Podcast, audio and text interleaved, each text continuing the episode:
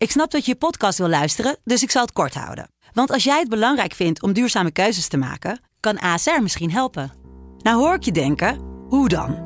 Nou, bijvoorbeeld bij het duurzaam herstellen van schade. Of de premies die we beleggen volgens ons duurzaam beleggingsbeleid. Dat bepaalt waar we wel en juist niet in investeren.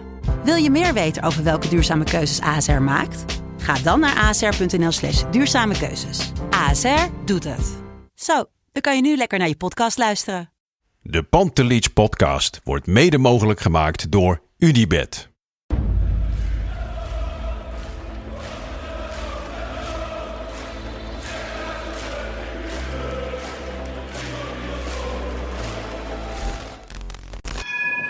For me, they can have just lot of goals, lot of fun, and some some other things. De Jong, slim gespeeld. Is dit de beslissing? Dit is de beslissing, denk ik. En de kleine Nouri mag het doen. En hij doet het. En ook hij zet dus zijn debuut. Luister mij. Wij zijn Ajax!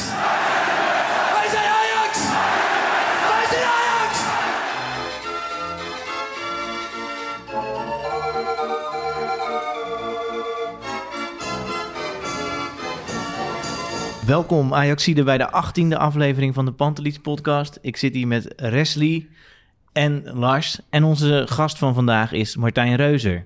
Res, hoe is het met je? Goed, goed, met jou? Ja, gaat goed. Ja, en Lars, jij hebt wat uit te leggen. Wat is Ja. er vorige week gebeurd? Ik, eh, ik had me verslapen. Oei. En eh, ja, dat was, eh, dat was balen. Ik, eh, ik vond het wel netjes dat jullie er niks over hadden gezegd in de podcast. Jullie hebben me nog enigszins beschermd, maar ehm, Ik wil je niet voor de bus gooien, dus ik denk, ik zeg niets. Maar goed dat jij nu even je verantwoordelijkheid Ja. neemt en je excuses aanbiedt. Ik denk dat dat wel geaccept- geaccepteerd. Maar ja, jongens, wat, wat mij betreft wel. maar jo- maar jongens, we hebben vandaag een gast. ja, zeker. Toch? En daarom was ik, ik was gisteravond wel zo van, dat ik dacht van, oh, dat- ik moet me morgen niet verslapen. Bleef ik extra lang wakker liggen. Weet je, en toen dacht ik, het wordt later, later, later. Straks verslaap ik me morgen weer. Maar goed, het is goed gekomen. We zitten er allemaal. We hebben een leuke gast voor het eerst. Ja, goedemorgen. Welkom. Ja, dankjewel. Je weet in het voetbal, als je te laat bent, dan kost het je meestal je carrière. Eh, in ieder geval, dat waren de wetten binnen het voetbal. Ja. Dus eh, ik verbaas me wel een beetje dat hij hier mag zitten. Of heeft hij eh, een boete moeten betalen? Of, nou, eh, ja, kijk, we, we moeten ook meegaan met de tijd. Dus ik denk, dit is echt de Van Ja. Gaal-methode. en wij zijn toch meer van de zachte hand. Ja, En eh, ja, het is 2020. eh, is jong, jong, jongie. We geven hem even wat tijd. zachte heelmeesters. hè. Maar ik ben het met je eens. De tijden zijn veranderd. Precies. En, en iedereen maakt zijn fouten. Dus ik ben blij dat hij op tijd was. Ik was in ieder geval wel op tijd. Ja, dus, eh, dus dat zit er nog steeds in bij mij. Ja. Dus eh, nogmaals, dank jullie wel voor de uitnodiging. Ja, leuk dat je er bent. Echt, echt heel leuk. Ook omdat dit voor ons een primeur is. Ehm, wij hebben al een aantal podcasts opgenomen en dit is de eerste keer met een gast. Ja. Ehm, en dan, dan ga je er altijd, je hoort de naam en dan ga je natuurlijk altijd meteen kijken online en vrienden vragen van, wat, wat weet jij nog van hem? Of wat kunnen we vinden online? En nou, dan, kom, kom je dingen tegen. Maar ik denk dat we moeten beginnen met je Ajax-tijd. Want dat is wel echt iets wat meteen als eerste bovenaan de lijst staat. Ja, kijk, dat- dat, dat is natuurlijk. Kijk, als je nu natuurlijk hebt over generatieverschil. Jij kijkt meteen in, eh, op Google en eh, op internet. Kijk, ik, ik word nog dagelijks word ik, eh, eh, aangesproken over mijn tijd bij Ajax natuurlijk. In die, in die 95 tijd dat we, dat we Champions League wonnen. Dat we doorbraken. Dat jonge talenten een podium kregen. Eh, eigenlijk ja, de vibe die denk ik op dit moment ook bij Ajax heerst. Alleen toen was het natuurlijk in Nederland Ajax voor, voor Ajax na. En gelukkig ben ik daar eh, een mooi onderdeel van die geschiedenis geweest. Maar Ja. als we het dan over op tijd komen hebben... Ajax moest jou drie keer vragen voordat je naar Ajax Ja. kwam. Ja, dat had weer met mijn ouders te maken. Dus ehm, ehm, ja, om mijn volgens mij 11e, 15e werd ik gevraagd. En eh, volgens mij op mijn 16e vond ik de tijd om naar Ajax toe te gaan. Maar het had meer met mijn ouders te maken, omdat ik met Rood-Wit Amsterdam speelde, hier, eh, hier vlak om de hoek. Ehm, Maar die beslissing heb jij zelf genomen. Dus niet je ouders, maar ja, jij. nou, laat ik zo zeggen, later hoorde ik eigenlijk pas dat, dat Ajax al twee keer gekomen was. Dus bij de derde keer eh, hebben ze mij wel toen betrokken bij, eh, Ah. bij, eh, bij de beslissing. Dus ik, ze lieten me in eerste instantie erbuiten.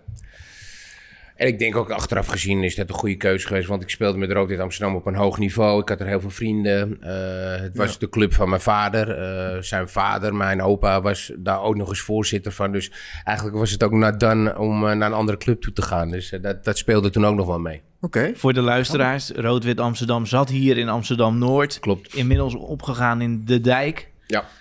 En, en toen kwam je bij Ajax. Ja. Staat bekend misschien wel als toch een kille club soms, hard.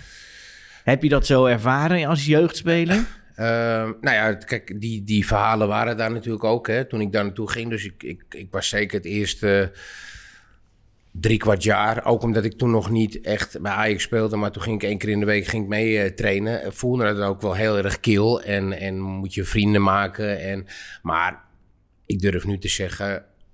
Ik had het nooit willen missen, want mijn beste vrienden eh, zijn nog steeds uit de Ajax-tijd. Eh, het was een geweldige club. Ehm, nou ja, ehm, Jerry Borriers bijvoorbeeld. Eh, Marco Vergalen is nu trainer bij, eh, bij Ajax geweest. André Ooyer. Ehm, nou ja, dat zijn even wat mensen waar ik in die tijd mee, mee speelde. En zeker André, die is natuurlijk een bekende naam. Ehm, en ik kan er nog wel een paar noemen. En als we elkaar zien, is het altijd nog eh, oude jongens krentenbrood, zeg maar. Maar, want kijk, voor, voor jongens als ons is dit natuurlijk... Ja, dit, dit maak, hebben wij niet meegemaakt. Eh, Het is maar voor een klein eh, groepje jongens weggelegd om bij Ajax in de jeugd te gaan. Maar dan wil je eigenlijk als leek, ik noem mezelf even een leek... tot in detail weten, hoe voelt het nou? Hoe, hoe, hoe, hoe, hoe ervaar je dat als je bij een club als Ajax binnenkomt, als jochie... Ja. en zijn, dan bij je club, bij je amateurclub ben je een van de beste... Ja. Maar dan kom je bij Ajax en dan heb je er nog 10 of 20 of 30 die nog beter zijn. Of in ieder geval even goed. Nou ja, je, je komt natuurlijk eerst in een elftal met, eh, met, met 18 tot 20 jongens. Dus, dus eh, volgens mij waren de selecties ook toen wat kleiner... als ik het nu vergelijk met, eh, met deze periode. Maar uiteindelijk draait het natuurlijk in een team om een team. En met elkaar samenwerken, met elkaar lol hebben, met elkaar winnen, met elkaar verliezen. En dan gelukkig als je bij Ajax speelt, dan win je meer dan dat je verliest. Ja. Eh, dus, dus het kameraadschap, eh, het met elkaar eh, iets samen bewerkstelligen, dat geldt nu nog steeds. Dus het is heel normaal dat je de dingen die je meemaakt op en rond de kleedkamer, in het veld, brengt een soort samenwerking die eigenlijk gewoon... Je speelt bij Ajax, maar het, was een, het is een soort vriendengroep. Als je, want als je het over vriendengroep hebt en, en jeugd, dan komen er natuurlijk ook de kleedkamerhumor. Ja. Komt komt daarbij kijken. Ja. Was jij iemand die daar een groot aandeel in had? Nou, ik denk de eerste. Kijk, ik ben van nature relatief eh, verlegen. Maar als je in de Ajax-cultuur. Kijk, de, die, die, die kameraadschap, die vriendschap, die is daar wel. Alleen er wordt wel verwacht dat je presteert. Er wordt wel Ja. verwacht dat je met je borst naar voren eh, de trots van Ajax eh, uitstraalt. Dus dat krijg je gedurende dagelijks, wekelijks, jaarlijks krijg je dat natuurlijk mee. Dus, dus ja, dan krijg je een beetje het bravoer, eh, borst naar voren. Terwijl daar natuurlijk ook wel bij al die jongens en ook bij mij een bepaalde onzekerheid zit. Maar dat shirt, dat hoor je vaker. Als je dat al aandeed, dan, dan stond je bij wijze van spreken al 1-0 voor. Ja. Dus, dus, dus eh, dat vond ik het mooie. En ik denk nog steeds dat het bij Ajax is. Want ik kom daar natuurlijk als, als nu mijn functie als bondscoach eh, onder, onder 16 en onder 18 merk je dat die vriendschappen onderling bij die gasten er nog steeds is. Maar ook die prestatiedrang eh, is daar. En jongens die daar spelen hebben de ambitie om profvoetballer te worden. En, en dat wordt ook dagelijks wordt dat erin gepompt. Dus eh, ik, kan, ik, vind ik geef altijd het voorbeeld aan, aan de jongens bij het Nederlands elftal... of bij de clubs waar ik getraind heb. Eh, als je 5-0 won, was het... Godverdikkie, het had 8-0 moeten worden. Ja, ja, ja. En als je verloor, nou, dan had je het helemaal gedaan. Ja, dus dus ja. het, het, nooit, nooit goed. Het, nooit goed verhaal. Het is nooit goed Eh, genoeg. Nee, dus, dus dat, dat, dat brengt iets mee dat, dat het eigenlijk nooit goed is. En, en voor jezelf, had je wel toen je in de jeugd voetbalde, voor jezelf het idee van ik ga in dat eerste komen? Mm, Nee, Eh, nee, dat niet. Eigenlijk, eigenlijk pas op het moment dat ik voor het eerst... misschien wel een paar wedstrijden in het eerste bij Ajax had gespeeld... besefte ik opeens van ja, eh, dit kan wel eens wat worden. Want daarvoor had ik altijd een soort onzekerheid van... ja, het kan toch niet zo zijn dat ik weer naar het volgend jaar mag? Het kan toch... dus, die, dus, dus wat je ook wel eens hoort van mensen die op het podium al jarenlang een artiest zijn... hebben altijd die onzekerheid van als ze het podium opgaan... dat je ook denkt van, maar hoe kan dat nou? Dus dat heb ik ook eh, heel lang eh, gehad. Naarmate je echt prof bent en je gaat beleven en het gaat ervaren... en dat het echt een vak is... ja, dan, dan krijg je wel de overtuiging van... Ik kan het heel ver gaan schoppen. Ja. Het is wel mooi wat je zegt, hè? want als je in, beginjaren van, in de beginjaren van deze eeuw kwam de documentaire Daar horen zij engelen zingen. En daar werd ook een beetje ingezoomd op de jeugd. En daarin zie je dat het, dat het keihard is. Er worden jongens afgewezen. Je mag toch door naar het volgende jaar. Sommigen mogen door naar, eh, of die mogen naar een toernooi in het buitenland en zo. Ja, nou, eh Mohammed geldt eigenlijk hetzelfde voor. En het zal allemaal veel overtuigender moeten. En dat is gewoon eh, iets waar je aan zal moeten werken. En dat mis ik gewoon in jouw spel. Nou, als ik naar jouw spel kijk, Nick... Dan zie ik gewoon te weinig terug in, jou, in jouw voetballen... wat we op de training oefenen en waar we in de training, eh, in de training mee bezig zijn. Dus, proberen je er overheen te zetten de komende wedstrijden, eraan te gaan werken. En dan kan ik heel goed begrijpen dat je teleurgesteld bent. Maar dat ja, hoort er ook eenmaal bij. Ervaar je dat dan ook zo als jonge jongen, dat continu die spanning? Mm, ja, wat ik al zeg, omdat, omdat toch die cultuur eh, ook wordt gecreëerd dat je eigenlijk het dagelijks naar je zin moet hebben met elkaar. Hè? Dus lol hebben, kleedkamer, humor, eh, Amsterdamse humor. Dus dat, dat, dat, dat legt die druk een beetje weg. Alleen op het moment dat die wedstrijd eh, gespeeld moest worden en, en de lat die altijd hoog werd gelegd door trainers, voel je natuurlijk wel van er moet gepresteerd worden. Maar dat is ook inherent aan wil je het gaan halen. Uiteindelijk is het een trechter. Uiteindelijk zijn er maar één of twee per jaar die eh, gaan doorbreken. En ik heb het geluk gehad eh, dat ik uit mijn lichting volgens mij de enige ben die, die door is gebroken. Eh, dus wij waren een krukkenlichting. Eh, dus misschien, misschien, misschien daardoor. Nee, maar eh, weet je, het is gewoon een ongelooflijk hard en leerzaam traject. Waarbij, wat ik dus net toevallig tegen, jij zei, dat je, tegen jou zei, dat je, dat je te laat was. Ja, dat kon wel eens je nek kosten. En, dat, Ja. en dat, dat, die prestatie werd elke dag werd dat gevraagd. Nou, dat is ook wel heel erg lekker. Wa- Want welke, welke jeugdtrainer in die tijd, of in je, uit jouw jeugd, is jou het meeste bijgebleven? Ja, kijk, eh, Gerrit van der Lem is iemand die, die zeg maar in, in persoonlijkheid heel dicht bij me la- lag en ligt. En waar ik nog steeds eh, regelmatig eh, eh, contact mee heb, omdat, omdat, omdat het gewoon een, een geweldige kerel is. Maar ik heb ook Speech Koon gehad, ik heb Ton Pronk gehad, die Ja. onlangs is natuurlijk overleden. Dus iedereen binnen die trainerschilde bracht iets wat je besefte van oké, als ik hem heb gehad of als ik hem heb, dan betekent het dat ik weer een stapje dichter bij mijn doel ben. En, en denk je dat deze trainers met de, hun werkwijze van toen ook nu nog steeds zou, zo, zulke goede trainers zouden zijn? Of denk je juist dat het nu totaal niet meer bij deze tijd zou passen? Ja, de definitie wat is nou een goede trainer ehm, is verschillend en het heeft met de tijdsgeest te maken. Dat heeft met de manier hoe zij met jongens omgingen, gingen. maar ook dat ze niet beter wisten hoe ze met ons moesten omgaan. Dat was dat, kijk nu wat jij net, net al zelf zegt, de tijdsgeest is veranderd. Eh, je moet spelers, sowieso mensen op een andere manier benaderen. Meer bij betrekken, meer bevragen. Kijk, bij ons was het natuurlijk meestal één richtingsverkeer. Een trainer zei wat je moest doen en dat ging je dan doen. Ondanks dat je natuurlijk ook dacht van, wat ben ik nou godsnaam aan het doen? Ja, ja, ja. En, en eh, dus, dus, dus de directieven van, van een trainer was, was toen normaal. Nu is het meer bevragen, betrekken, zelfverantwoordelijkheid geven. Dat, dat voelt voor mij, had ik maar in deze tijdgeest eh, gezeten. Alleen aan de andere kant heeft het me ook wel weer heel veel gebracht, omdat ik in de onwetendheid van jong zijn het ook werd voorgezegd en dat je gewoon moest volgen. Is het niet nu soms te soft geworden? Nee, want, want, want uiteindelijk, eh, uiteindelijk is het toch diegene die, die, die het graag wil, die de meest intrinsieke motivatie heeft, die, eh, die gaat het zeg maar redden. Ja. Eh, Dat moment, ik wil nu even doorgaan naar het moment dat je bij de selectie kwam. Kan je dat nog precies herinneren? Dat je voor het eerst mee ging trainen met het eerste? Ik, heb, ik, kan me voor, ik kan me nog wel herinneren dat de eerste keer dat ik in die, ehm, in die trainer ehm, of in die, in die kleedkamer kwam. Dat ik een waas voor mijn ogen had en dat ik dacht van jeetje, ik, ik zit tussen al die grote gasten hier. Noem eens een paar namen. Ja, Rijkaard, eh, Frank de Boer, Ronald de Boer. eh, kijk, Patrick Kluivert, dat was natuurlijk wel een maatje van me. Die, die, die, die zat daar natuurlijk ook al. Maar gewoon zeker die gasten, ja, dat, dat waren gewoon echt mannen in mijn, eh, in mijn optiek. Terwijl ik nu- jullie die namen? Ja. Maar Horen jullie die namen, hè? In, die- in die tijd. Nee, dus, dus, dus, maar aan de andere kant, als ik nu...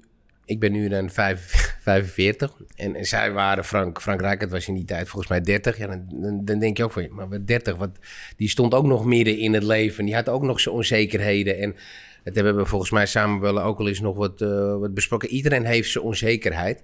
Alleen het is, het is wel een, een soort stap naar, naar ehm, dat je beseft, hoe, dat, dat, het komt nu heel erg dichtbij. Maar oké, en dan, dan, dan stap je die kleedkamer in. Ik ga gewoon de meest simpele vragen stellen.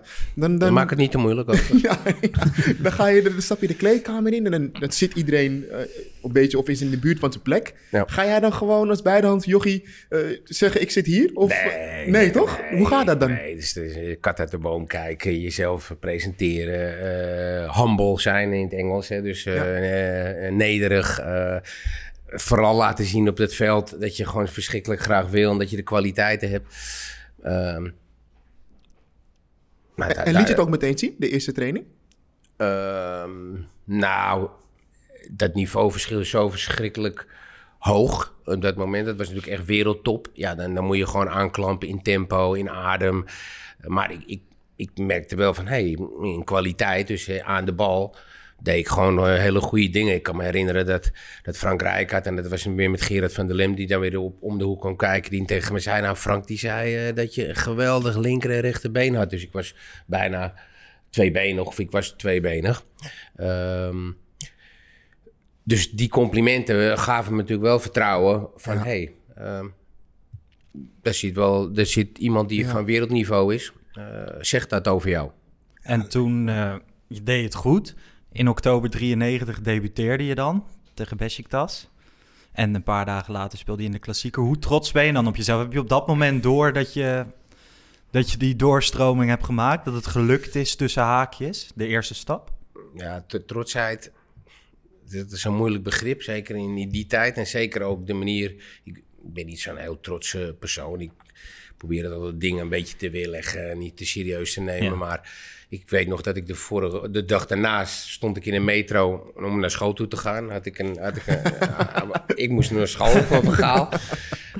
Dus die zei van, jij gaat morgen wel naar school toe, hè? En ik dacht, oké, dus ik ben wel gegaan. Contrast kan niet groter zijn. Nee, dus, dus eh, maar ik deed dat wel. Ik ben, ben wel gegaan en ik, eh, dus, dus over het, het trots zijn verhaal. Even terug, ik was wel blij dat ik, dat ik mijn debuut had gemaakt en, en ik had nog gewoon een redelijke impact samen met, eh, met, eh, met Iggy. Eh, Wie is Iggy? Toetiro. Oké. Ja, Ja. later heeft hij nog bij Zwolle gezeten. Ja. Dus wij mochten samen mochten de- debuteren. Ehm, dus het- was ook wel een impact zonder dat meestal de jongens die nu debuteren maken een goal. Daar zat ik dus niet bij, maar het was in de Europa Cup in een vol eh, Olympisch stadion. Dus, dus het had in ieder geval wel impact gemaakt. Dus dat, Maar dat ik kan was me mooi. ook voorstellen dat je volgende dag kom je naar school... en je bent een andere Martijn dan eergisteren... want je stond in de Europa Cup te voetballen voor, de, voor buitenstaanders dan, hè? Ja, maar ik heb, ik heb dat niet zo gemerkt. Eh, ik probeer al- altijd mezelf te zijn. En ik moet eerlijk zeggen, als je zegt 93, dan... dan kijk ik, op de, ik, weet, ik weet alleen dat ik de volgende dag weer naar school toe moest. En dat ik dat ook deed.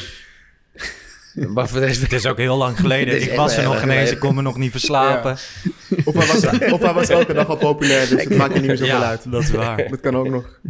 Oké, ehm, ik ben ook altijd even, ik vind, ben ook altijd heel benieuwd naar shirtjes, hè? Ja. Heb je dat shirtje nog? Bijvoorbeeld van, van, van je debuut.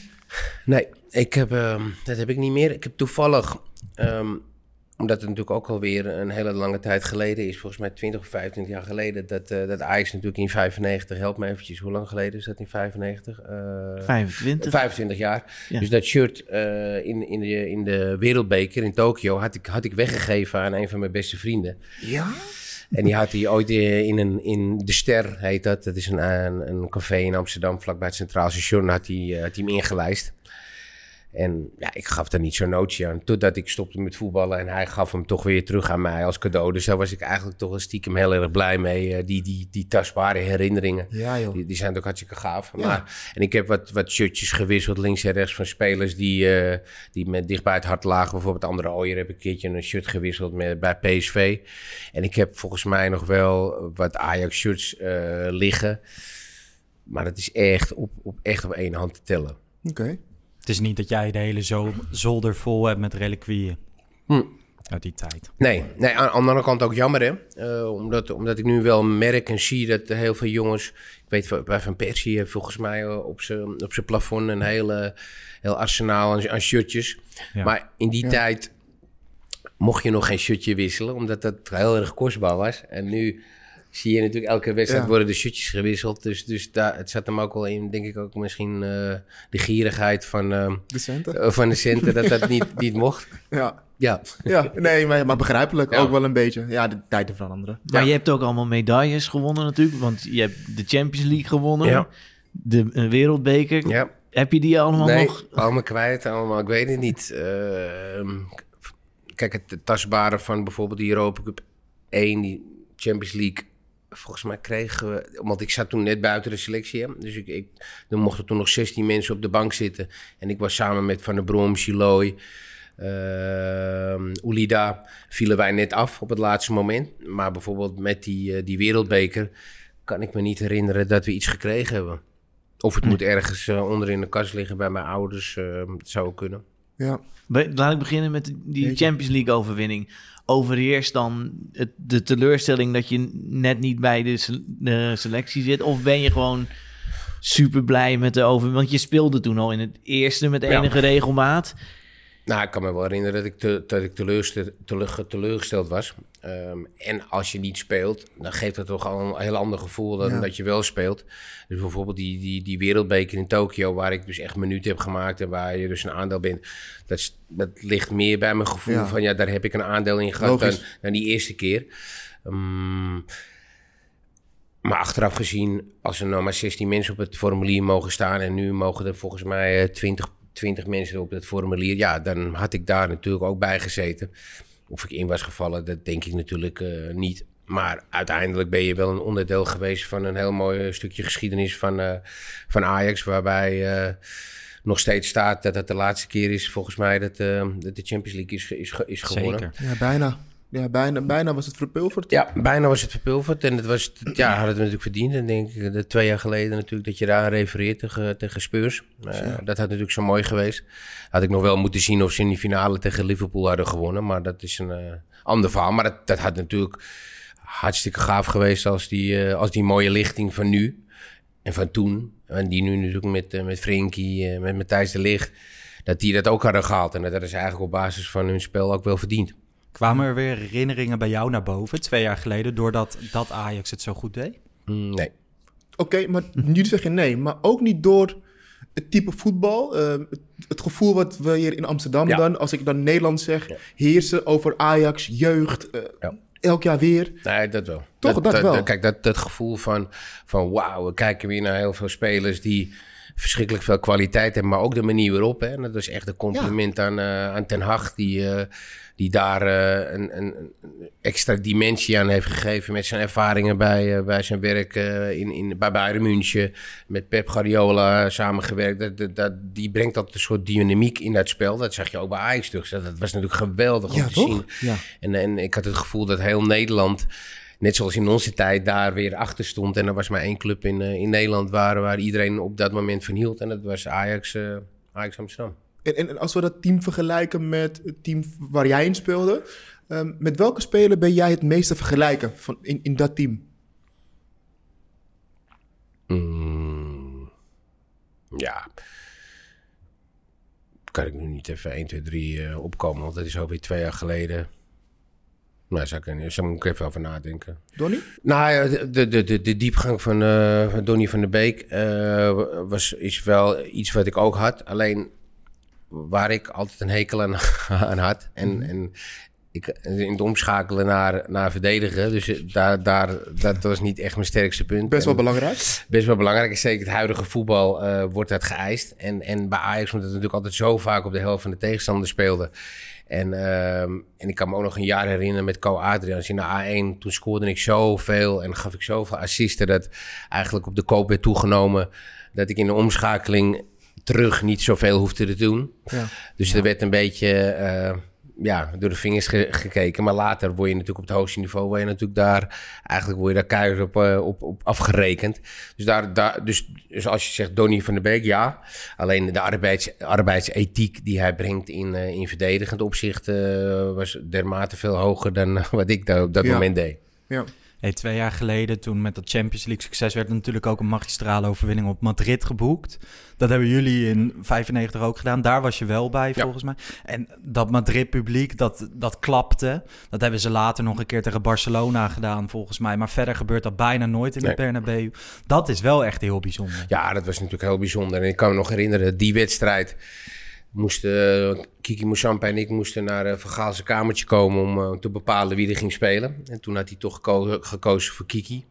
Nou, op dat moment was het natuurlijk weer teleurstellend. en, eh, en Kiki... eh, Maar mag ik even vragen? Dus jullie worden met z'n tweeën in een kamertje geroepen? Ja, En dan, en in zijn hoort hotelkamer. er, ja, en dan wordt, hoort er één dat hij niet gaat spelen. Nou ja, de, de- dat is natuurlijk... De uitleg was zo van, oké, ik kies voor Kiki, want... Ik weet niet helemaal meer de reden, maar uiteindelijk eh, was, de, was, de, was het natuurlijk gewoon een, een, een prima uitleg om, om te bepalen... Oké, ik kies niet Ja. voor jou of ik kies voor eh, hem. Eh, wees wel, wel klaar. Dus ik vind, dat vind ik alleen maar goed. Maar, maar ook samen. Want ik, ik Ja. kan me zo voorstellen Ja. dat je het eigenlijk liever apart doet, zulke Ja, gesprekken. ja nou, we waren allebei jong en eh, we, we- ik, ik weet niet wat de insteek precies wat, eh, was van Vergaal. De, de uitleg, het uitleg is al prima, weet Ja, je. Het ja. geeft al een bepaalde, bepaalde rust. Dus, dus eh, nou, achteraf gezien eh, speelde Kiki daar geweldig. En, en omdat hij daar ook geweldig speelde, heeft hij daarna zijn stappen genomen naar, eh, naar Spanje. Ehm, dus dat was hartstikke mooi voor Kiki en jammer voor mij. Maar uiteindelijk gaat het natuurlijk weer om dat team. En niet Ja. zozeer om mij persoonlijk. En achteraf gezien, kijk, als ik dan toch eventjes op aansluit, eh, ehm, was ik net niet genoeg voor de top. maar goed genoeg voor iets daaronder. Ja, oké. Hey, ik wil even naar ehm, de Wereldbeker, Tokio. Het is al een paar keer genoemd. Adilson scoort nog. Dus komt de beslissing op de schouders van aanvoerder Danny Blind van Ajax. Hij neemt de verantwoording die de aanvoerdersband met zich meebrengt. Danny Blind. Hij doet het Ajax wint de Wereldcup. Ik was natuurlijk, ik was e- één. Maar eh, gisteren, ik wist dat jij te gasten kwam. En ik heb de samenvatting al wel vaker gezien. Maar gisteren keek ik nog even terug. En nu, als het over de Wereldbeker gaat. Volgens mij moet Bayern hem nu in januari spelen. En dan wordt er gezegd van, oh, wordt maar weer in de agenda gepropt. Slaat nergens op nu in de coronatijd. In alle artikelen die ik over toen lees en, het, en de samenvattingen en zo, was het toen echt een veel groter iets. Het was echt speciaal dat jullie hem wonnen.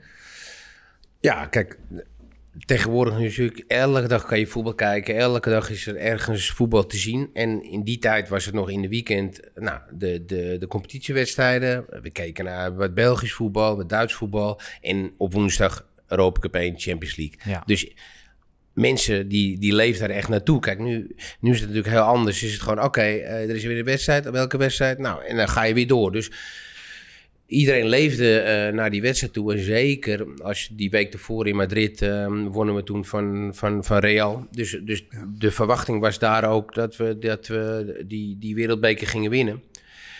Dus, dus het is een andere tijdsgeest waar we mensen meer eh, toekeken naar iets in de horizon. Ja, en ja, dat is ja. nu natuurlijk nu anders. Want je Ja. had tijdverschil met Tokio. En ik weet ook dat op heel veel scholen en eh, kantoren, bedrijven... Ja. allemaal die tv werd aangezet, afspraken werden gekend. Waar heb jij uitgekeken? In, eh, ja, weet ik veel. Ik Weet was één. Ja, best ik was één. Oh, ja, maar je vader? Wat zei je vader? Wat heeft je vader gedaan? Waar hebben jullie de wedstrijd gekeken? Op kantoor volgens mij. Bij mij was het de enige keer op de middelbare school dat er eh, voetbal heeft aangestaan. En dat Radio was tij- ja, tv? ja, tijdens de les. Hetzelfde verhaal. Ja. Op school, in Ja. de klas, was er een tv. Hebben we met z'n allen voetbal Ajax gekeken. Ja. Op school. Gruwelijk. Ja. Serieus. Kan ik, jij ik, ze- ik, weet nog dat het, was 's morgens toch in Nederland? eh ja, s- zorgens middags. Smeer? Ja, Begin- s morgens beginmiddag middags. denk ik. Ja. Oké. Ja, Oké. ik weet niet meer zeker. Maar wel echt op school Ja. gekeken. Met de tv. Hm, grappig. Ja. We- weet jij nog precies hoe die reis ging en, en Ja, hoe nou, lang je daar was? Kijk, heen gingen we met een, met een charter, volgens mij met alleen maar eh, de spelers en, en de mensen die, ehm, de supporters en bestuurders. Er gingen niet heel veel mensen gingen toen mee. Ehm, ik weet dat we daar in, ehm, in Tokio één keer per dag trainen en daartussendoor relatief eh, toch wel wat mogelijkheden hadden om ja, wat sightseeing dingetjes te doen, eh, door het park heen lopen. Dat was, dat was in die tijd met Vergaal, dat was toch best behoorlijk strikt. En Was dat altijd, en nu was het iets vrijer. Ehm, ik kan me herinneren ehm, ja, dat, dat we in, een relatieve rust daar naartoe gingen. Ik, kan, weet ook dat Gremio volgens mij al twee weken daarvoor al daar was. Die, die, waren heel erg daar al naartoe aan het leven. En bij ons was het meer van oké, we gaan heel ontspannen, gaan we die wedstrijd winnen. Dus dat, leef, dat, dat leefde wel bij ons.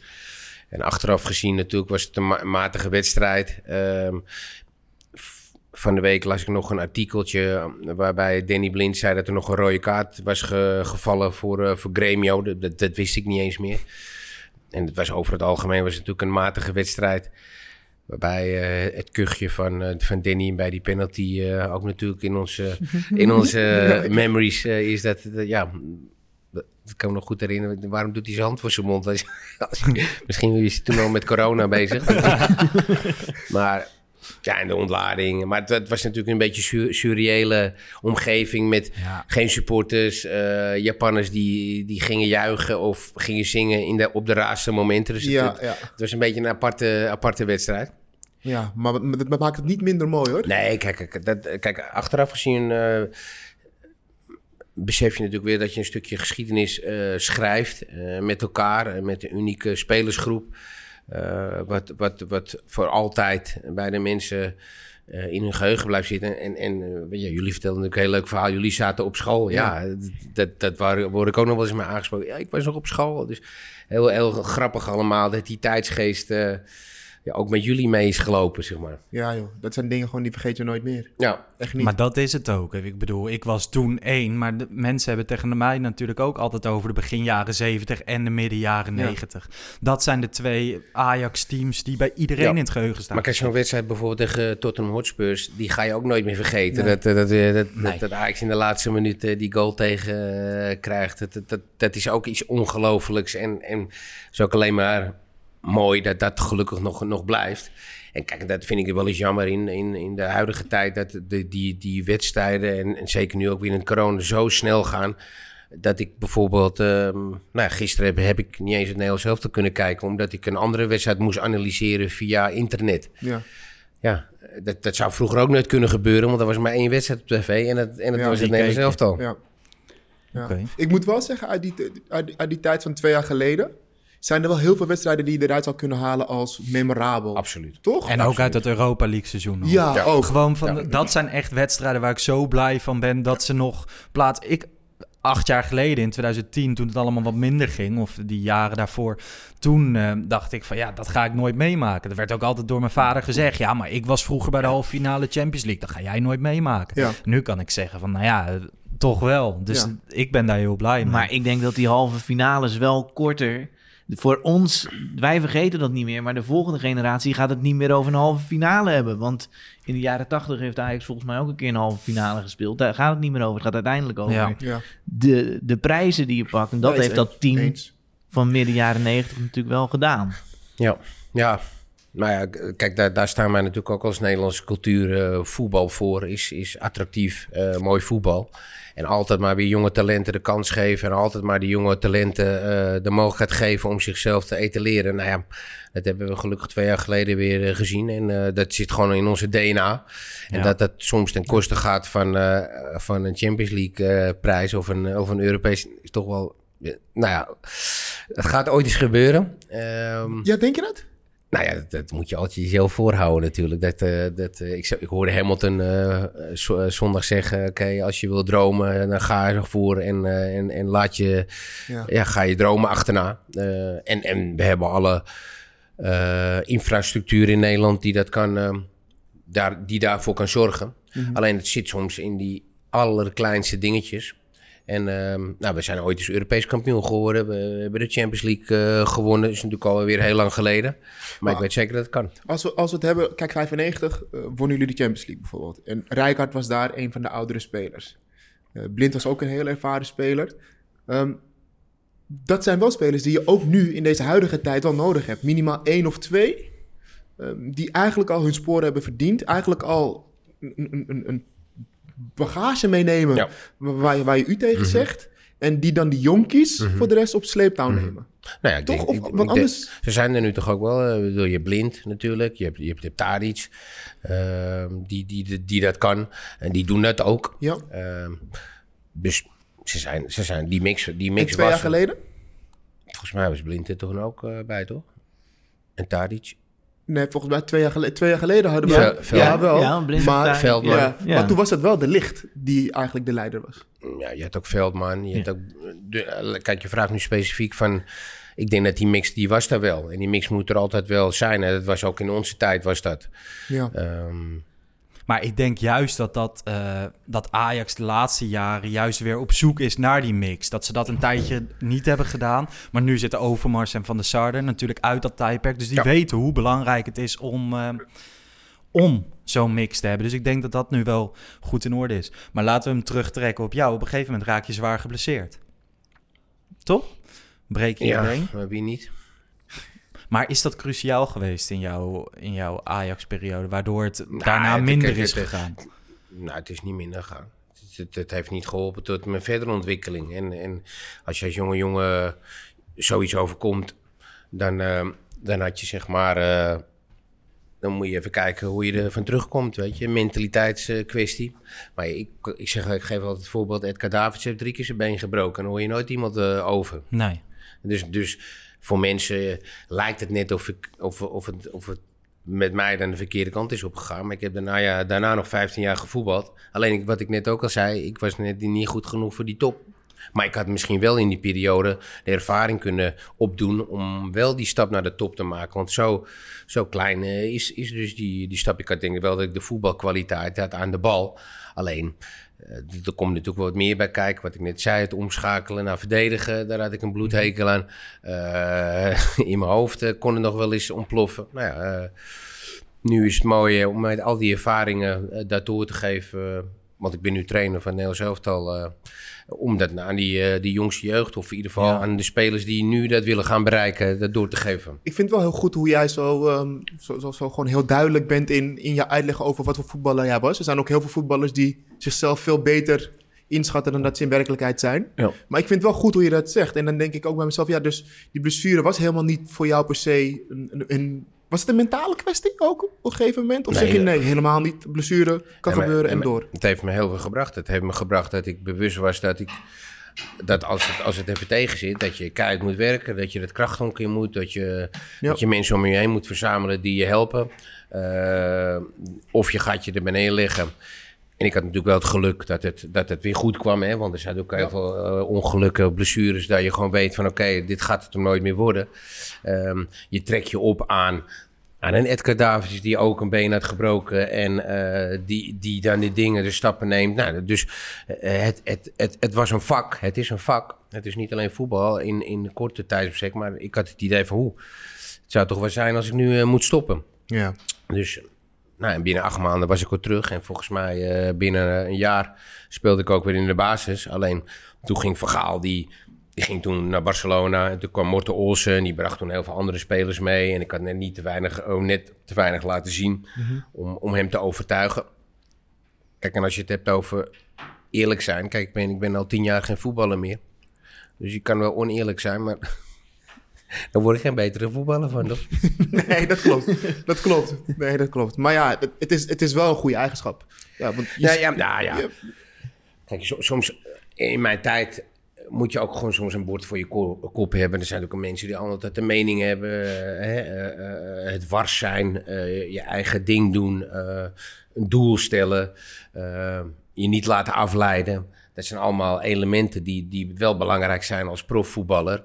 Om, om, om, je, om, om je daaraan vast te houden. Oké, maar, maar waar bestond... Want iedereen heeft wel een bepaalde kring waar je wel naar luistert. Wie, waar bestond, uit welke mensen bestond jouw kring waar jij wel naar echt luisterde?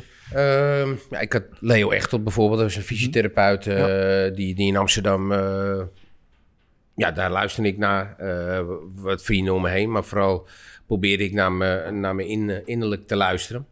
Waarbij ik soms ook wel eens zo eigenwijs was dat ik, dat ik ook niet de dingen oppikte die, die handig waren om, om, om er wat meer voordeel mee, Ja, ja, mee te doen. ja. Dus dat, de eigenwijze had ik dan ook wel in me. En natuurlijk eh Vergaal, Gidde van der Leem. Dus dat, dat soort dingen. Alleen aan, de andere kant, eh, het zijn ook de ervaringen die, die je dan sterker maken. Hè? Dat je denkt van, hmm, ja, ik had het achteraf misschien beter zo kunnen doen. Of dat heb ik natuurlijk heel goed gedaan. Eh, dus dat eigenwijze heeft me ook wel weer heel veel gebracht. Ja. En wie neem je nu het meeste mee in je eigen werk als trainer? En mezelf. Ja, je, ja dus wij, er is geen enkele andere invloed, want je noemde een paar keer Van Gaal, de strengheid van Van Gaal. Ja, kijk, uite- uiteindelijk is dat grappig. Ik, ik heb eigenlijk alles meegemaakt in mijn voetbalcarrière. Ik ben gepromoveerd, ik ben kampioen geworden, ik ben gedegradeerd, ik heb blessures gehad. Dus ik heb alles meegemaakt. Dus nou als je dat goed kan bundelen, dan heb je natuurlijk alle tools in handen om eh, die, die gasten waar je mee gaat werken, eh, alles, alles te gaan geven wat ze nodig hebben. Alleen dan is het even het juiste moment. Maar ik werd bijvoorbeeld ook door mijn assistent bij het Nederlands Elftal, werd ik Little Little Louis, werd ik genoemd. dat, dat was wel even, ga je aan even- eh, toch? dat is wel even confronteren hoor. Ik heb, ik, heb, eh, ik, ik, heb, ik heb toch best wel vaak wakker gelegen eh, door Louis. Dus ik betitel het toch als, als een compliment dat hij dat zei. Eh, aan de andere kant eh, doe ik natuurlijk mijn eigen mijn insteek. Ja. Maar hij moest, ik, ik moest daar wel verschrikkelijk om lachen dat hij dat zei. Dus, Ja. dus jij bent wel ook, want Louis was dat ook af en toe een eye over de bol, maar ook wel heel strikt. Ja. Dat, dat- ben jij, ben jij, ben jij de, die type trainer voor de jeugdspelers? Nou, ik ben wel op het veld heel strikt en, en enthousiast en, en, en, en dynamisch. Dus zeg maar, dat was Louis ook. Hè? Dus eh, heel erg nou veel dingen naar zich toe trekken. Mm, maar buiten het veld eh, probeer ik wel natuurlijk, wat jij net zei, over, over de huidige generatie eh, bevragen. eh, Ze mee te nemen in het proces. niet voor verte- vertellen, maar ze zelf laten nadenken. nou, dat, dat vind ik super gaaf om te doen. Ja. Wa- Waardoor mensen het gevoel krijgen dat ze het zelf doen. Dat ze zelf verantwoordelijk zijn. En, en dat wordt ook, dus ook nu geleerd. Dus, maar op een gegeven moment moet je natuurlijk wel zeggen... oké, tot hier en niet verder, want, want we willen die kant op. En, en dat moet je ze ook laten zien. Want die eigen wijsheid eh, zit, zit ook bij die topvoetballetjes die, Ja, eh, die ja. nu... Dus dat is ook, eh, dus dat is ook een... Dus ik zie, ik zie en ik herken heel veel dingen die ik bij mezelf zag, maar ook, ook die ik zag bij de echte topvoetballers om me heen. Die moet je ook koesteren. Ja. Ja, bij die jongens. Dus dan knijp je af en toe een oogje dicht. Eh, nou ja, het is, het is eh, ook waardering hebben dat ze, dat ze zo een bord voor hun kop hebben, zo gefocust zijn en zo ermee bezig zijn dat je, dat, dat je, nou, dat, dat heeft niks met het oogje dichtknijpen, dat heeft gewoon van, oeh, ja, die, die, die waardering voor hoe die is. Maar het, eh, er is meer dan dat, hè. Eh, Dus, dus op een gegeven moment eh, hoop je ook dat ze zichzelf een ontwikkeling doormaken. Ik bedoel, dat zie je, vind ik persoonlijk, een heel mooi voorbeeld aan Depay. Die, die, die sinds in het begin van zijn carrière best wel boos was op de hele wereld. Nu zie je zich meer aan het openstellen. Zie je meer dat die persoonlijkheid eh, krijgt voor andere mensen. Dat is- zijn hele gave dingen om, om te zien, weet je. Dus die, die, die persoonlijke ontwikkeling van, van spelers en de mensen is gewoon heel gaaf om te zien. Die mentale gesteldheid, want daar gaat het eigenlijk over wat je nu zegt. Die is, act- die is ook actueel geworden doordat Gregory van der Ja. Wiel naar buiten is gekomen. Ja. En eh, Ricardo Kishna. Ja. Ehm, jij hebt daar zelf ooit ook iets over gezegd. Dat je eh, mentale problemen, ik weet niet of ik het nu te groot benoem, maar ja, he- hebt gehad. Eh, wa- hoe- wat hield dat in? Nou ja, dat houdt in dat je in de grote mannenwereld eh, leeft en dat je, dat je in, de, in de schijnwerpers eh, staat. En dat er dingen van je verwacht worden waar je misschien niet helemaal aan eh, kan voldoen. Ehm, maar je moet toch mee, of je denkt dat je mee gaat. Ehm, veel geld, dus, dus dat doet wat met je in, in, in je eigen verwachtingspatroon. En soms ga je dan anders voordoen. En moet je je soms anders voordoen dan dat je eigenlijk bent. Ja, en dat gaat op een gegeven moment gaat, het, gaat het je wreken.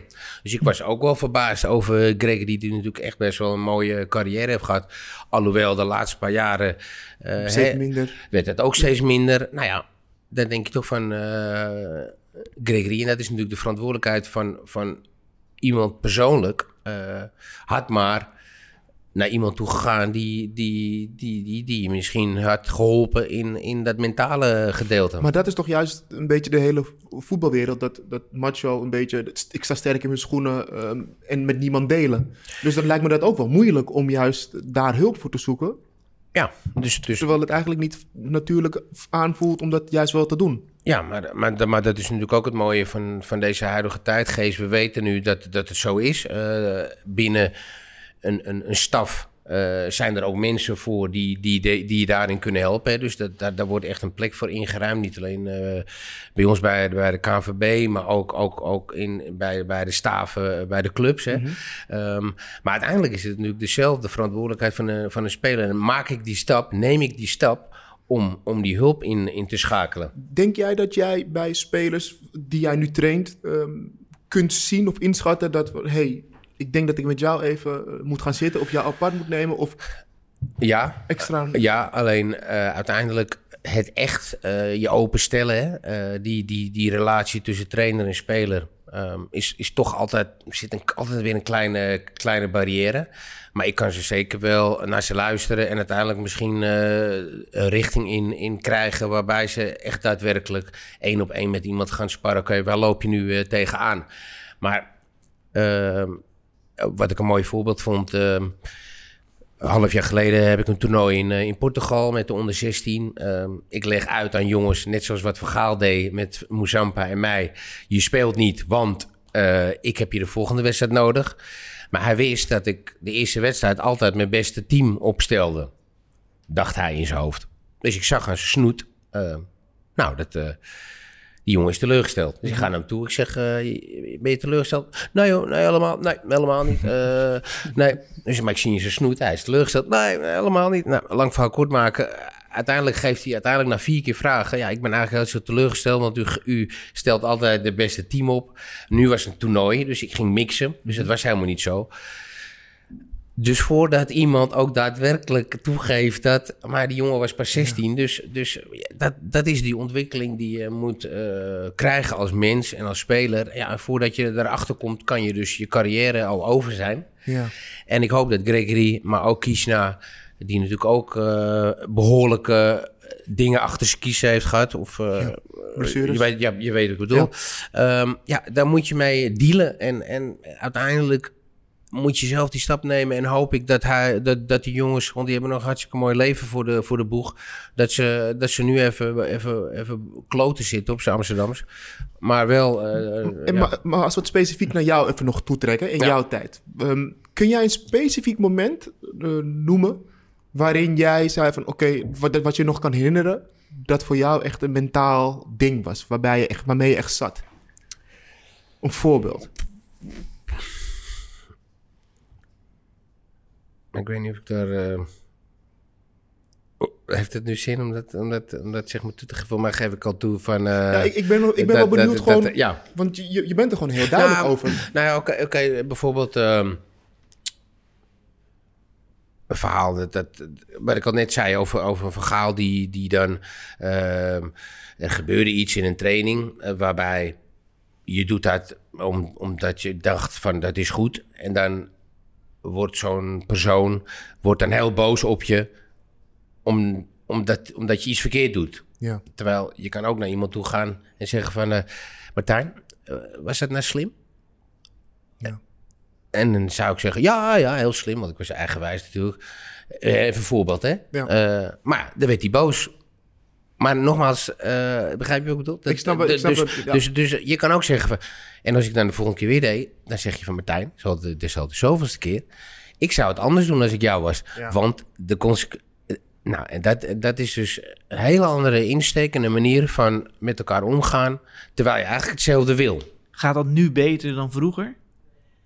Nou, zeg maar in zijn bij mij- algemeen. Bij mij wel. Ja, Bij Maar jij wel, doet maar- dat dus heel bewust anders nu. Ja, maar er komt natuurlijk wel een moment dat, dat je... Dat, dat, je hebt natuurlijk eh, emoties in je lichaam. Nou, dat op een gegeven moment denk je van... ah, kom op nou. eh, En, dan, en, dan, en dan, dan word je wel eens geïrriteerd. Hè? Maar body language is dus ook van... eh, Oké, ook al zeg ik niks, dan weet ik... dan, dan, dan zeg ik eigenlijk van... Oh, wat, dat had je anders moeten doen. Maar, maar dat is natuurlijk wel wat je net zei van... Oké, eh, we zijn geen watjes, want er komt een moment dat 40.000 mensen op de tribune tegen je schreeuwen, hiha, hondenlul.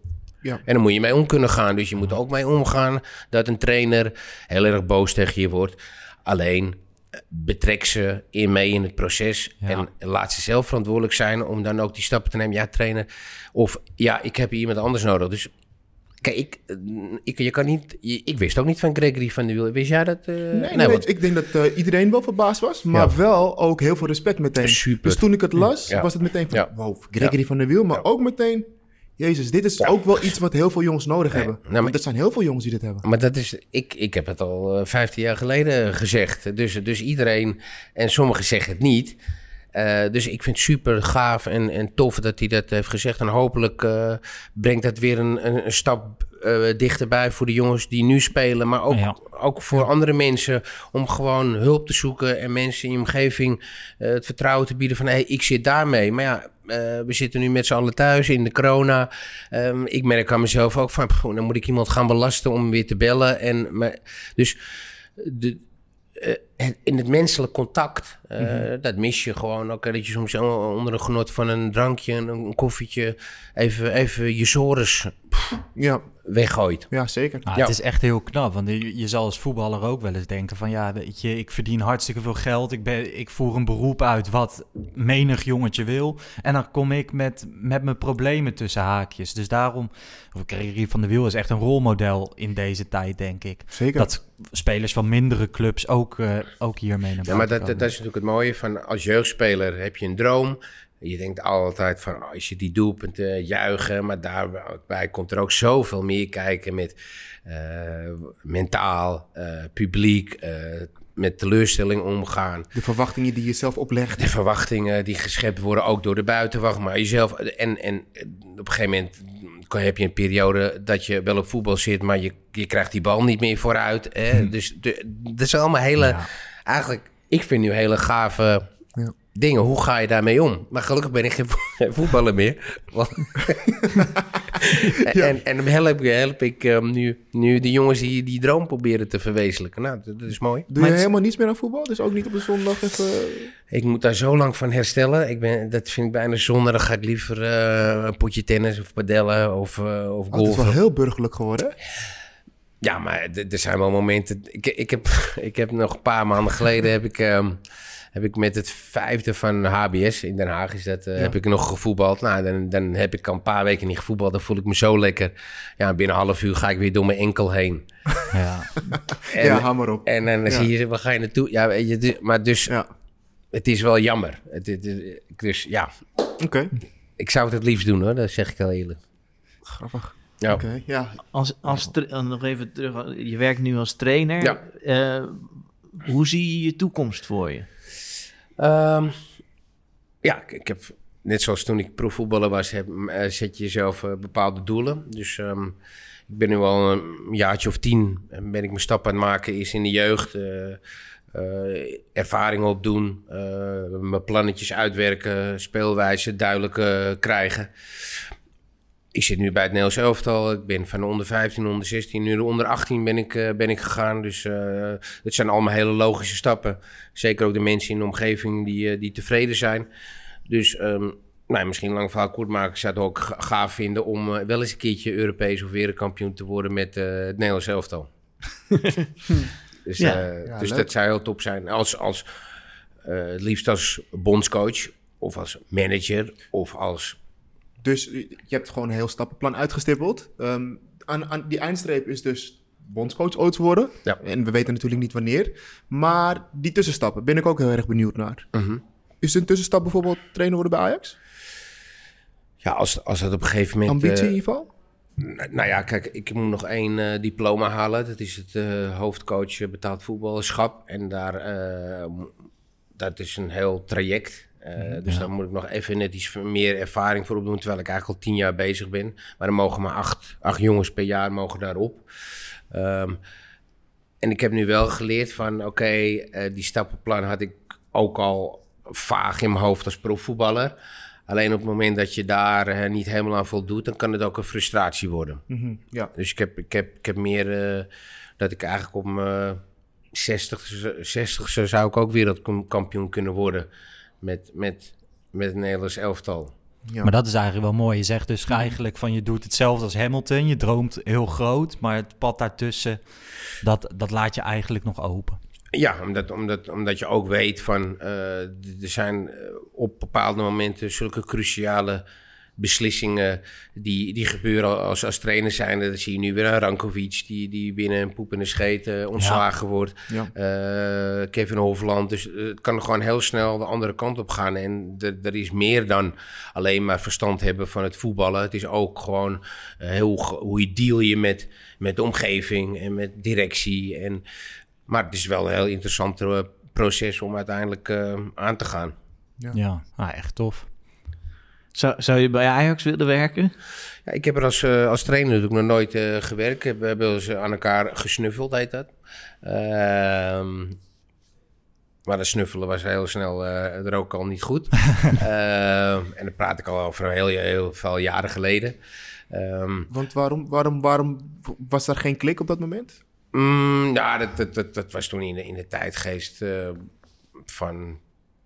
Nou, dat er wat problemen waren in de jeugd. eh, oh, toen was, dat was een onrustige periode Dat toen. was die onrustige Ja. periode. Ehm, dus wie weet. Ik, maar, nogmaals, het, het is, het is, ik zou het wel eens gaaf vinden, maar ik denk dan toch op, op in, in, in, bij het eerste of zo, weet je, of in, in het tweede bij, bij Jong of zo.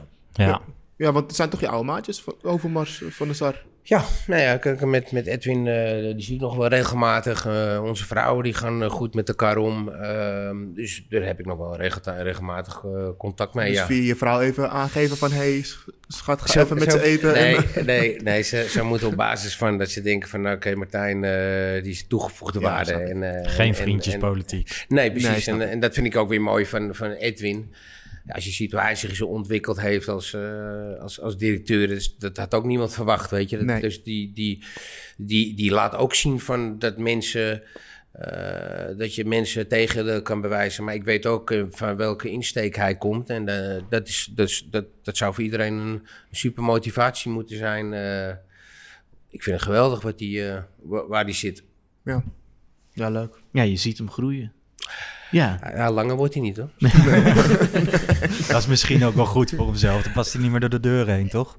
heb je een favoriete speler in het huidige Ajax? Iemand waarvan je echt zegt... Eh, ja, ik, ik, ik- kijk, het, hui- ik was altijd gek van Ziyech. De, gewoon de creativiteit die die, eh, die, die heeft. En, eh, en nu natuurlijk eh, die, die nieuwe Braziliaan. Eh, Anthony. Anthony. Nou, de, kijk, is- nu eh, zak weg, maar wat hij allemaal aan de bal eh, doet is natuurlijk gigantisch. Ik vind dat Klaassen zich hartstikke goed eh, weer heeft ingepast in dat team, weet je. Ehm, Ja. Maar er zitten nog, kunnen nog wel een paar... eh, Gravenberg, die nu zijn stap aan het maken is. Die, die ik heb gehad bij de onder 19, onder 15, onder 16. Dat is gewoon superleuk om dat te zien. Ehm maar zo kan je nog wel even doorgaan, toch? Ja, als je nu kijkt naar jouw, jouw huidige elftallen, of tenminste van de afgelopen jaar als bondscoach, heb je natuurlijk ook Ajax-talenten. Heb je er dan nog eentje waarvan we, die je kan noemen, waar wij op moeten letten? Die, of leg je hem dan alweer te veel druk Nee, op als je je, dat... kijk, eh, wat, wat ik wel leuk vind, bijvoorbeeld ook ehm, een ander traject, Sven Botman. Die Ja. bij, bij Ajax eh, natuurlijk een beetje op, op het tweede plan eh, kwam. Misschien wel Ja. derde plan. Nou, via Heerenveen eh, een jaar later naar Frankrijk toe gaat. Nou, daar de sterren van de hemel speelt. Dus er is ook zoveel meer naar Ajax. En dat, dat is natuurlijk ook wat, wat, wat je natuurlijk ziet van... Als je bij Ajax je, je, je, je opleiding hebt, hebt genoten... Ja, dan geeft het ook wel weer heel veel stappen Mogelijkheden. mogelijkheden. En, en wie weet dat Sven ooit eens een keertje weer, eh, weer terugkomt. Ehm, en hij zit nu bij het Nederlands elftal. eh Ryan bij het Nederlands elftal. Dus, dus eh, er zijn altijd mogelijkheden. Dus, en dat is natuurlijk altijd wel weer hartstikke mooi om, eh, om te zien. Maar ik, ik weet zeker dat die jongens die jij nu traint niet luisteren naar onze podcast. Dus ik vind wel dat we even een naam kunnen krijgen met een speler die we in de gaten moeten houden. En daarna moeten ze wie, luisteren. Wie heb jij nu van Ajax in de, in de kern van je team? Ehm, ik kan me ooit eens herinneren dat Johan Cruijff over een speler iets zei. En die heeft het niet helemaal kunnen bolwerken. Nee. Dat, was, dat, was Tarek de- Oulida? dat was heel jammer. Dus eh, je, Was moet je leren van je ervaringen. Dus ik, ik ga dat niet doen. Oké. Ja. Nee, groot gelijk heb je. Maar wij gaan, eh, of tenminste, ik vind het leuk om eh, naar jonge, jonge Nederlandse elftallen te kijken, onder de 18 en zo. Dus misschien bij de volgende Interlands moeten we maar eens gaan kijken. Dan kunnen we zelf een naam noemen Ja, die... als, eh, als die ze nog georganiseerd worden, want tot nu toe ehm, Ja, is, het- is het heel stil. stil. Alles wordt afgelast. Eh, laten we hopen dat, dat, dat het volgend jaar dat het weer allemaal normaal gaat worden. Want eh, ehm, ja, het, is, het, is, het is niet de meest energieke periode als ik naar mezelf kijk. Nee, snap ik. Ja. ja. Maar we gaan daar niet te lang over praten, Nee, over deze periode. laat het want- energiek houden. Ja, dan wel positief, want ja, we zitten er Ja. met z'n allen in. En Ja. ehm, komt een periode dat we er ook weer uit zijn. Laten we het daarop houden. Precies. Daar gaan we vanuit. Hey, we hebben een eh supermooi shirtje sinds kort, een Anthony shirtje. Ehm, die gaan we na deze aflevering weer verloten. Eigenlijk wil ik van jou nog een echt mooie herinnering uit jouw Ajax-tijd... waarvan jij zegt van nee, dit is me wel echt bijgebleven. Nou ja, als we net over eh, bijvoorbeeld Gerard van der Leem hadden. eh, Gerard zei ooit eens eh, voor een tweede een jong, jong wedstrijd. Wie nu heel goed speelt, die gaat zich melden aanstaande woensdag bij de Champions League tegen AK Athene. Eerste helft speelde ik niet top. Tweede helft speelde ik echt de sterren van de hemel. Ik moest na de wedstrijd in zijn kamertje komen. Hij zegt, Martijn, je was echt de beste. Maar ik ga je toch niet meenemen. Dus ik bloedlink, boos naar die kleedkamer. En eh, wat bleek, uiteindelijk had Tarek Olida, die had hij gekozen. En die speelde in de basis en die scoorde twee keer in de Champions League. En ook wetende nou, hoeveel geld dat altijd opbracht hè, als je in de Champions League eh, won.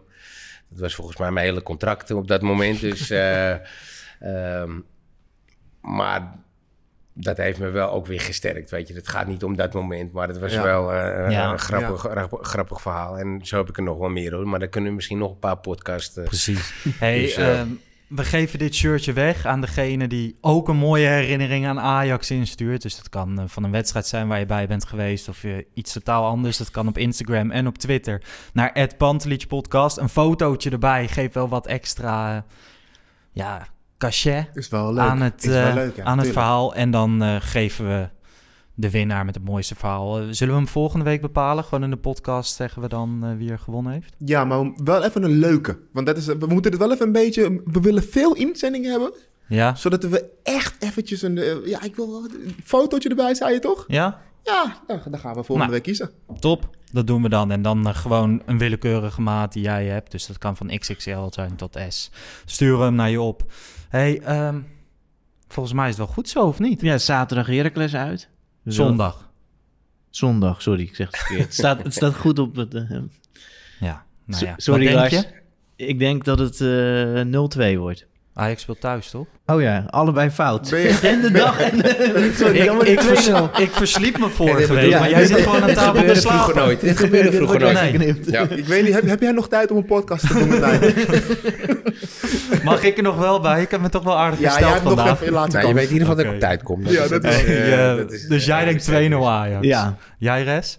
Ik denk 3-0. 3-0. Jij, Martijn? Ik vind Heracles wel een, een, een gevaarlijk ploegje. Ehm, maar ja, Ajax eh, zal wel gaan winnen, denk ik. Ik denk eh 4-1. Oké. Nou ja, en dan ik nog. En nu, ja, ik zit natuurlijk bij een bondscoach aan tafel. Maar ik ben heel blij dat de verschrikkelijke interlands weer erop zitten. Dus ik heb echt weer zin in Ajax. Ik denk dat de spelers ook extra veel zin hebben om weer voor Ajax te spelen. Dus ik denk eh, weer een grote uitslag. 6-1. Lekker. lekker. Ja, toch? Ik Martijn? vond het eh, heel leuk om je hier te gast Ja. te hebben. Ja, ik vond het leuk om te komen. Ja. Mooie verhalen. Absoluut. Ja, Ik heb een keer tegenover een wereldkampioen gezeten. Ik heb geleerd Ja. dat ik me niet meer moet verslapen. precies. Heel veel succes met alles wat je gaat doen. Ja. Mensen, bedankt voor het luisteren. Laat je recensie achter op eh, Apple Podcast. Dat vinden we leuk. Gaan we binnenkort eens een keer even, doornemen in de podcast. Het is wel, Ja. eh, dat gaat wel mooie content opleveren. Blijf vooral luisteren. En eh, zondag ben ik er weer met Bart voor de wedstrijdeditie. Tot dan. Ciao.